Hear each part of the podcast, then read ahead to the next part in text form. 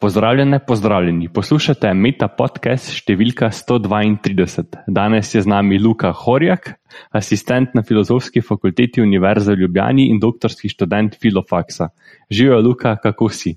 Pozdravljen, Marko, v redu, pa ti? Tudi kul, cool. a sem zdaj pravilno izgovoril. Si. Ok, odlično, potem pa lahko začneva.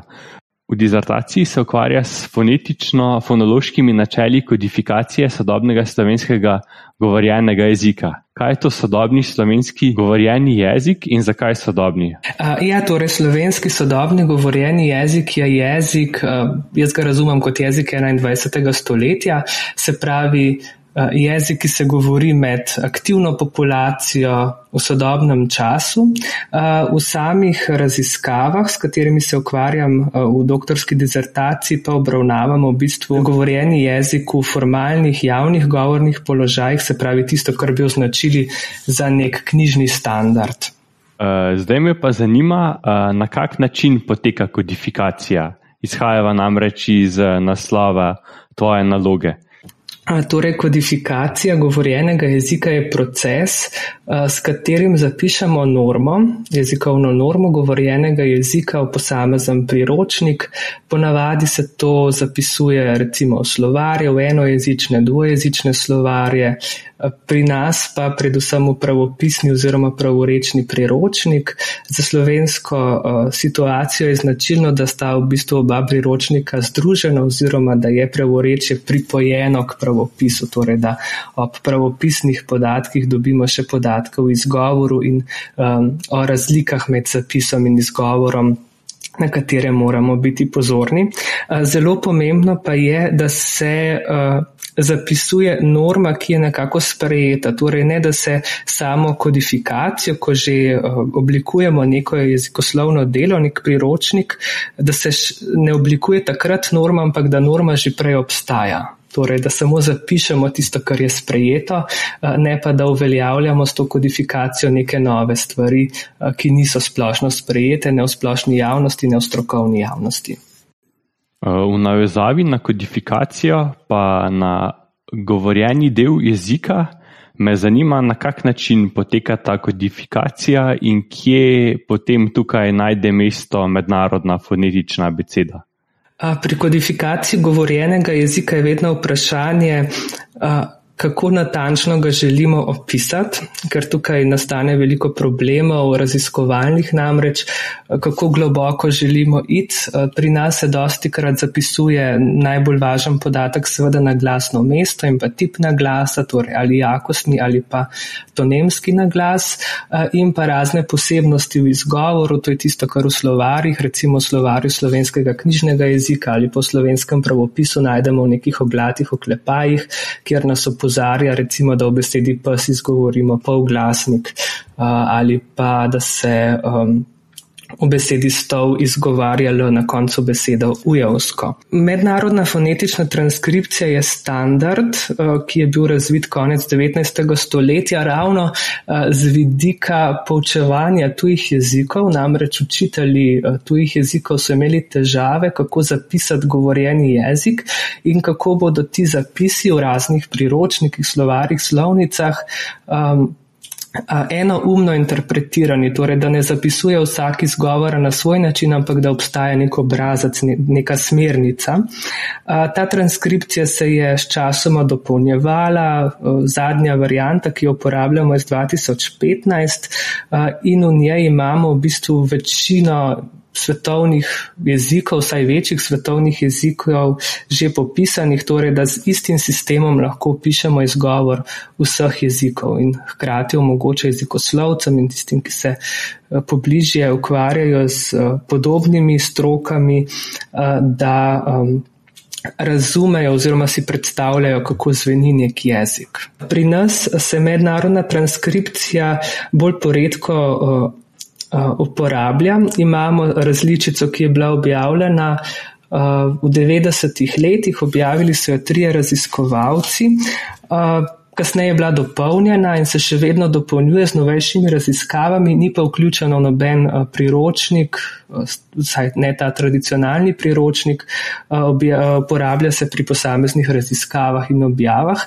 Je pa škoda, ker te naše raziskave in transkripcije, slovenske transkripcije, tuji raziskovalci težje berejo, težje razumejo, ker so seveda navajeni na nek mednarodni standard. In tukaj je možnost, da se jezikoslovja, če to smem tako reči, med seboj bolj povežejo z vidika te transkripcije. Ne. Pri nas je v uporabi bolj ali manj uh, slovenska nacionalna transkripcija, ki jo najdemo v slovarjih in je bila zasnovana uh, tako rekoč z vidika ekonomičnosti uporabe. Torej, kako zapisati tisto, kar je res treba, uh, ker je bila narejena za tiskane slovarje. Danes pa v elektronski obliki na spletu lahko objavimo množico podatkov eh, in nimamo stiske s prostorom, tako da lahko objavimo tudi mednarodno transkripcijo, eh, ki pa se pojavlja že v novi izdaji slovarja slovenskega knjižnega jezika, torej v tej tretji izdaji bo eh, uporabljena tudi mednarodna transkripcija. V navezavi na transkripcijo pa kodifikacijo me zanima še eno tako na pol stereotipno vprašanje koliko samoglasnikov ima slovenščina in kaj oziroma kako je z njihovo kodifikacijo? Ja, slovenščina ima ogromno samoglasnikov, tako enoglasnikov kot dvoglasnikov. Seveda tukaj mislim na slovenščino kot, kot pojem, kot krovni pojem, ne za standard, za narečja, ki so med seboj zelo različna. V standardu recimo tradicionalno govorimo o tem, da imamo osem samoglasnikov. Osem samoglasnikov, vsi so enoglasniki, vsaj tako je zaenkrat kodificirano.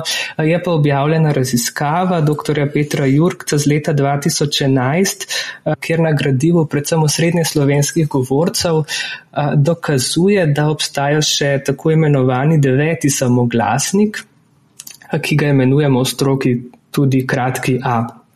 Um, Tako da preveriti je še treba na drugih govorcih, ali tudi uporabljajo ta samoglasnik, ampak zaenkrat velja, da jih je osem, plus eh, študenti damo vedno tistega devetega v oklepaj. Torej ga ne zavržemo, ampak eh, dopustimo možnost, da ga nekateri govorci imajo. In pa še eno uh, vprašanje in sicer je povezano z geometrijo. Zanima me, na kak način bi naslovil tako imenovano sago samoglasniškega trikotnika, o katerem se učimo recimo tekom našega osnovnega izobraževanja. Ja, geometrijo sem jaz imel zelo rad in nasplošno tudi matematiko, zato mi je verjetno tudi jezikoslovje blizu. Um, drugače pa ja, samoglasniški trikotnik. Gre, jaz ko študentom razlagam, kaj to je, povem, da gre za abstrakcijo, ne gre za prikaz, kako so samoglasniki razvrščeni v naši ustni votlini, kje se tvorijo, recimo IS um, levo zgoraj, kar pomeni, da se naša jezična ploska, naša konica jezika dotakne nekega sprednje, sprednjega dela neba, ne, tam nekje pri dlesni ali pa uh, trdega neba, recimo pri uju, ki je na desni strani zgoraj, uh, pa se jezična ploskav, torej hrbet jezika približa mehkemu nebu. Tako nekako recimo, da obstaja neka povezava med tem trikotnikom in samo artikulacijo, na drugi strani pa tudi akustiko, se pravi s samimi frekvencami glasov. Govorimo o trikotniku, čeprav v mednarodnem sistemu imamo upam, da bom prav povedal, nek trapezoid. Zakaj imamo trapezoid, pri nas pa trikotnik? Preprosto zato, ker imamo samo en A.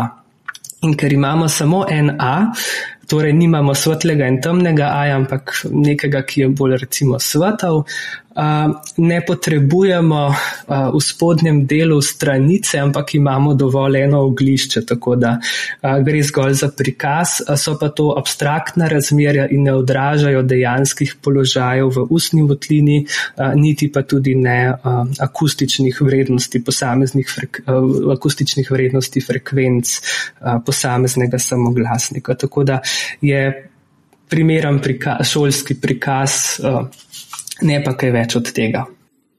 Sedaj pa še obljubljeno vprašanje o fonetiki in fonologiji.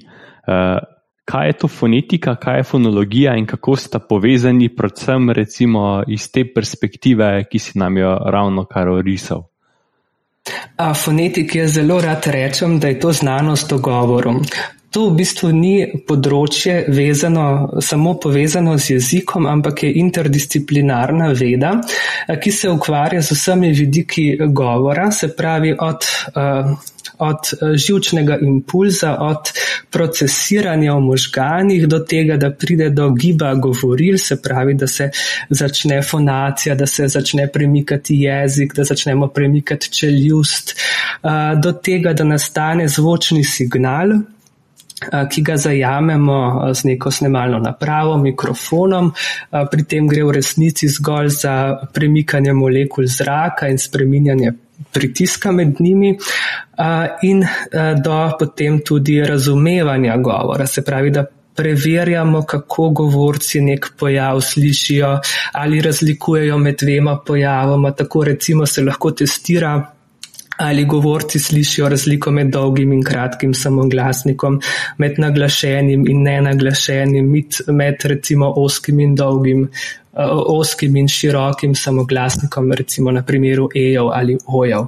Um, takšne stvari. Uh, je pa fonetika, kot sem omenil, sestavljena iz več različnih disciplin ki so bolj ali manj povezane z drugimi znanostmi. Recimo, sam se ukvarjam največ z akustično fonetiko, kjer gre v bistvu za fiziko, ker se ukvarjamo z zvokom eh, in njegovimi frekvencami. Potem imamo recimo artikulacijsko fonetiko, kjer so posredi medicinske metode, kot so eh, ultrazvok, magnetna resonanca. Eh, v začetku prejšnjega stoletja se je zelo veliko uporabljal rentgen, ki se ga danes iz znanih razlogov seveda ne uporablja. Um, In vsi ti podatki, ki jih fonetika pridobi, se pravi sorovi podatki, realni podatki, eh, se potem s pomočjo fonologije interpretirajo uh, in uh, sistematizirajo. Tako da fonologija potem preveri, kateri od teh podatkov so relevantni za slovnico jezika, so, razli, so razločevalni in imajo neko funkcijo. Ne? Ker če mi izgovarjamo nek glas in ga fonetično potem analiziramo, ugotovimo, da nikoli ne izgovorimo istega glasu popolnoma enako, ampak je vedno vedno so prisotne neke razlike, za fonologijo pa to v bistvu ni relevantno, ker govorci prepoznamo vse te realizacije kot en glas.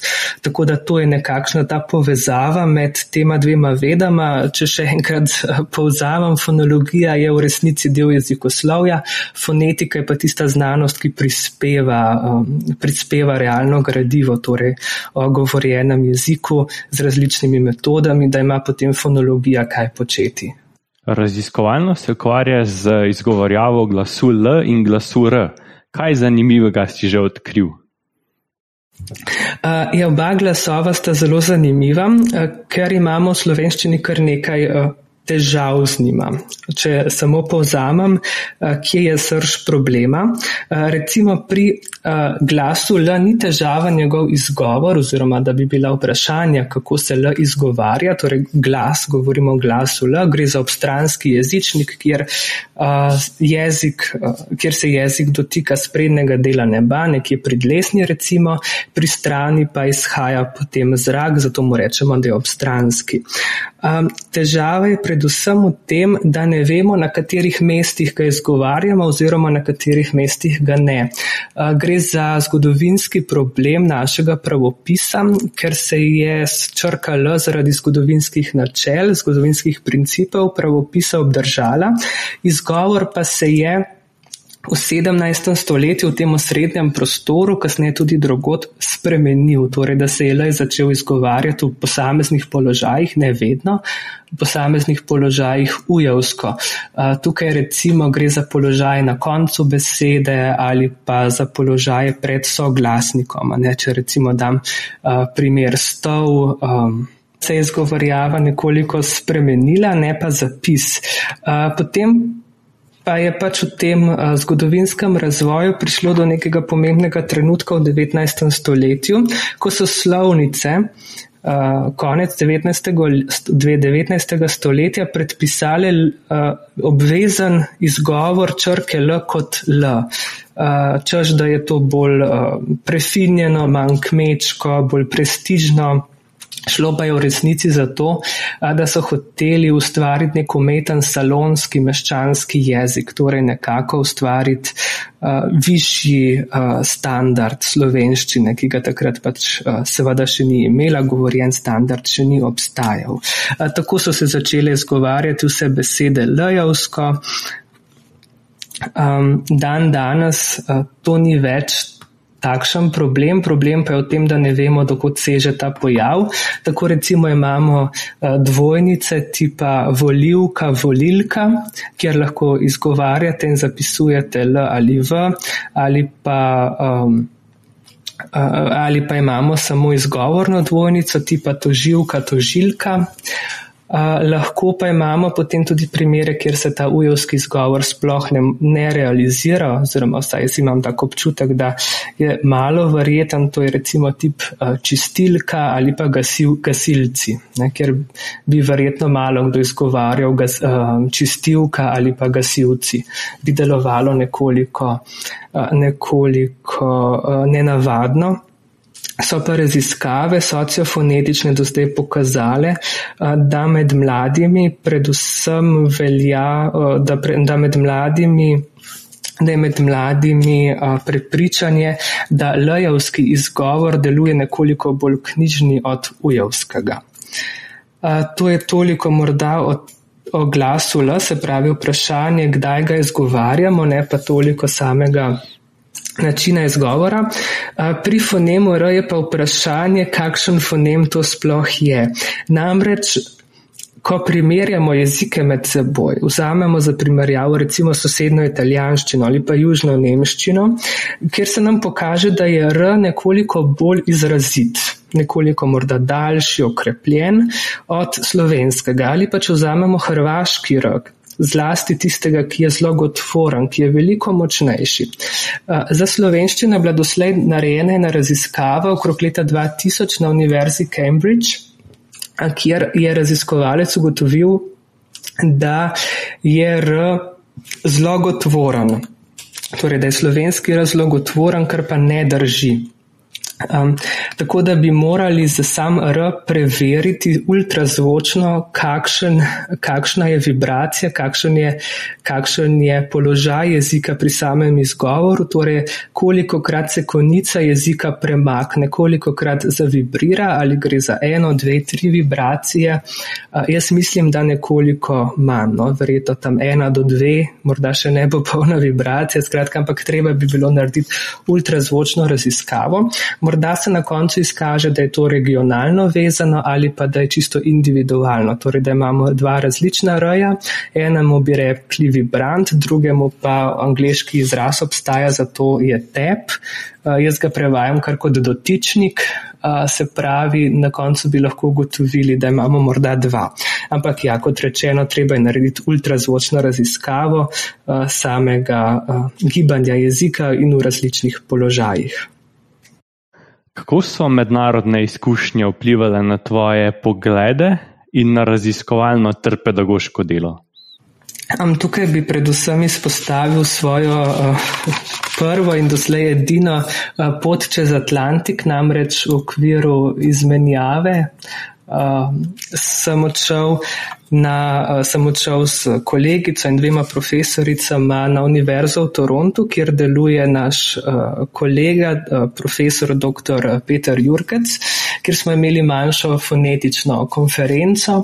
Uh, In tam človek doživi uh, velik kulturni šok, namreč uh, že same metode raziskovanja, uh, tudi prosto razmišljanje je nekoliko drugačen. Pri nas morda smo nekoliko omejeni, ker raziskujemo slovenščino in človek pozna večino raziskovalk, raziskovalcev, lahko sledi, kaj se dogaja na. Na tem področju, tam pa ima v bistvu pred seboj cel svet in veliko več idej in novih Eh, teorij, novejših teorij, novejših metod, ki jih pri nas do sedaj, oziroma vsaj jaz nisem poznal. Tako da uh, si človek odpre oči in vidi, kaj vse je še mogoče, in da uh, tisto, kar počnem, morda niti ni tako relevantno, oziroma bi bilo treba veliko razširiti. Potem druga stvar, glede pedagoškega dela, pa sem imel izkušnjo predvsem na Dunaju, kjer sem en mesec gost, raziskovalno gostoval na oddelku za slovanske jezike in kjer sem imel priložnost predavati študentom različnih slovanskih jezikov, kjer vidiš razliko v tem našem pedagoškem delu in njihovem, namreč veliko več interakcije, veliko več si študentje upajo vprašati, upajo povedati, delijo tisto, kar so prebrali, kar so slišali pri drugem predmetu. Kar mogoče pri nas ni ravno praksa, no, oziroma upam, da se bo kaj na tem uh, spremenilo. A Miklošičev duh je bil še vedno aktiven na Dunaju ali je že zdavnaj pozabljen? Miklošičev duh je še vedno aktiven, tudi Cankar je še zelo prisoten na, na samem oddelku, tako da ja, Slovenci so prisotni na srečo še vedno na Dunaju e, in na univerzi in slovenščina na Dunaju zaenkrat še obstaja v smislu študijske smeri. E, kakšen je bil pa tvoj največji izziv? Navezavi na pedagoško delo v tej tako imenovani Zoom eri? Uh, ja, v Zoom eri smo se vsi soočali z vrsto uh, težavami, preglavicami, učili smo en drugega, kako se uporablja tehnologija. Uh, moram pa reči, da največji izziv verjetno je držati koncentracijo študentov in študentk. Namreč, da študentke in študentje so imeli na dan kar nekaj Zoom srečanj, mi, ki pač poučujemo, seveda veliko manj in so bili zelo utrujeni. To je, to je en problem, držati koncentracijo, ker ko sem sam poslušal, različ, ko sem sam sodeloval na kakšnih zum sestankih ali na konferencah, um, delavnicah, uh, človek opazi, da ga koncentracija hitro mine, če ni vaš čas. Pod pritiskom, da sodeluje, da nekaj pove. Tako da to morda druga stvar, ki se mi je pa zdela izjemno problematična, je pa samo sodelovanje.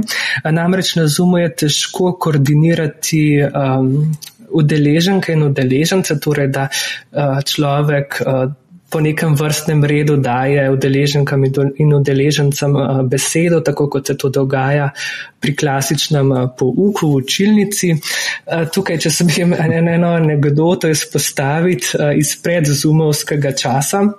Ko sem študiral še germanistiko na prvi in drugi stopni, smo imeli v prvem letniku pri profesorici doktorici Mariji Javor Briški predavanje starejše literature in je postavila neko vprašanje in kolegica se je javila, da bo odgovorila in je odgovorila popolnoma narobe na zastavljeno vprašanje. In na začudenje vseh, pa tudi moje veliko začudenje, je takrat profesorica rekla: Kolegica, hvala, ker ste se oglasili, ampak vaš odgovor je žal napačen. In takrat se mi je zdelo nenavadno, zakaj se zahvaljuje da se je kolegica oglasila, danes pa razumem, zakaj. Namreč zelo težko je dobiti odziv od študentov, včasih je zelo težko dobiti, torej da študent nekaj samo inicijativno pove in v teh zoom časih je bilo to še težje, tudi z tega vidika, da so študenti utrujeni in verjetno nimajo vsi ravno ugodnih socialno-ekonomskih razmer in se niso hoteli prikazati na kameri uh, in nekaj povedati, morda je bil zadaj še kakšen poseben robot, ker niso imeli posod doma razumevanja do tega, da ima uh, pa njihov otrok uh, ali pa brat, sestra uh, predavanje oziroma vaje preko Zuma. Tako da uh, sedaj uh, razumem ta del, uh, zakaj, zakaj je ta. Uh, To sodelovanje je zelo pomembno. No, v zum okolju je bilo to težje doseči, še težje kot običajno. Ja, to si pa res zelo lepo ilustrativno orisal. Uh, sedaj pa še za konec še eno vprašanje, ki se veže na to, da si bil škrapčev štipendist. Zakaj je šlo tukaj? Škrapčevo štipendijo podeljuje ustanova Patra Stanislava Škrapca. Uh, gre namreč za ustanovo, ki uh, skrbi za, za mlade jezikoslovce in jezikoslovke. Namreč Stanislav Škrabac je bil tudi jezikoslovec, ki je deloval predvsem v drugi polovici 19. stoletja in se ukvarjal s fonetiko, tako kot se ukvarjam jaz. Škrabčeva štipendija je enoletna štipendija, dobi se jo za eno študijsko leto, lahko se kandidira tudi večkrat. Je pa, je pa dobrodošla finančna podpora mlademu človeku, da si lahko morda privošči kakšno dodatno knjigo ali pa se odpravi kam v tujino, tako da vedno prav pride. In tudi po drugi strani je zelo pomembna referenca pri iskanju zaposlitve, ker škrapčeve štipendije seveda ne more dobiti ravno vsakdo. Čestitke in hvala za ta prvi sklop vprašanj, sedaj pa se seliva na drugi sklop vprašanj. Kako so se od opisa do danes spremenila tvoja pričakovanja glede doktorskega študija in ali bi se ponovno odločil za doktorski študij? Moja pričakovanja glede doktorskega študija se od opisa do danes niso veliko spremenila. Namreč že prej sem vedel, da doktorski študij poteka na našem oddelku, oddelku za slovenistiko, predvsem individualno, ker ni velikega opisa.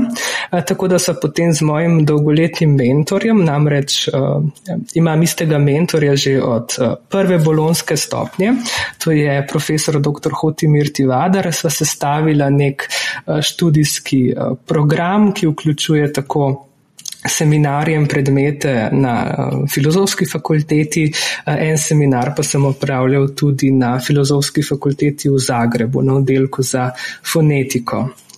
Uh, tako da uh, sem se zavedal, da bo ta doktorski študij predvsem uh, bolj uh, individualen, torej na vezavi z mentorjem in drugimi raziskovalkami, raziskovalci oziroma profesori in profesoricami sledi vizionarsko vprašanje in sicer, kaj boš počel čez pet let in kaj čez 40 let.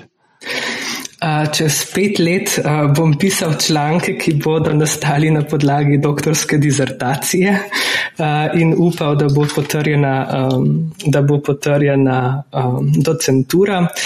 Čez 40 let pa se bom zauzeto kregal z vsemi mladimi raziskovalkami in raziskovalci, ki bodo rušili tisto, kar bom sam odkril. Tako da ja, to je za šalo seveda. Ja, čeprav se sliši zelo znano. Ampak sedaj lahko nadaljujeva z naslednjim vprašanjem. Eh, bi drugim doktorskim študentkam in študentom predlagal kako tehniko za upravljanje s časom ali pa morda računalniški program, ki tebi olajša delo in ti prihrani čas? Ja, doktorskim študentkam in študentom bi predlagal, da najdejo nek eh, način, neko metodo, kako potovati v času ali pa morda čas zaustaviti, ker eh, čas vedno teče in toliko stvari je in ura je hitro tri ali štiri po noči, ko, ko eh, se konča branje zanimivih člankov ali pa kakšna diskusija, tako da nekega boljšega recepta nimam. Glede računalniških programov, ja računalniški programi so lahko zelo koristni, če, uh, če, je seveda, uh, če je seveda njihova uporaba intuitivna in človek ne porabi več časa za učenje uporabe programa, kot potem dejansko za reševanje problema. Uh, sam sem morda nekoliko.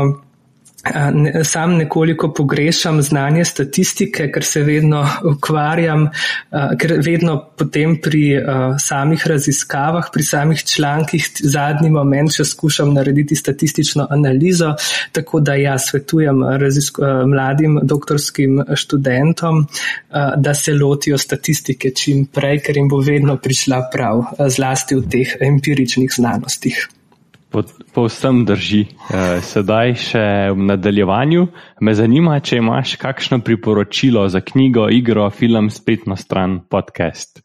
Uh, knjigo bi priporočil um, s, uh, z naslovom Sedma funkcija jezika, avtor je Loro Bine.